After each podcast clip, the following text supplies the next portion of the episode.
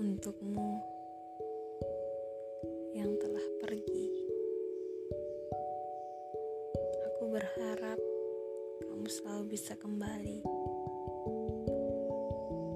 Aku selalu menunggu di depan rumah, menatap setiap motor dan mobil yang lewat, berharap bahwa motor atau mobil yang lewat itu berhenti Dan itu kamu.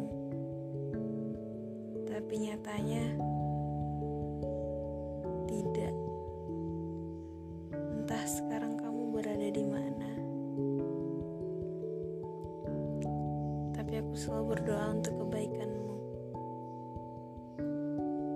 Pulanglah. Kembalilah ke rumah.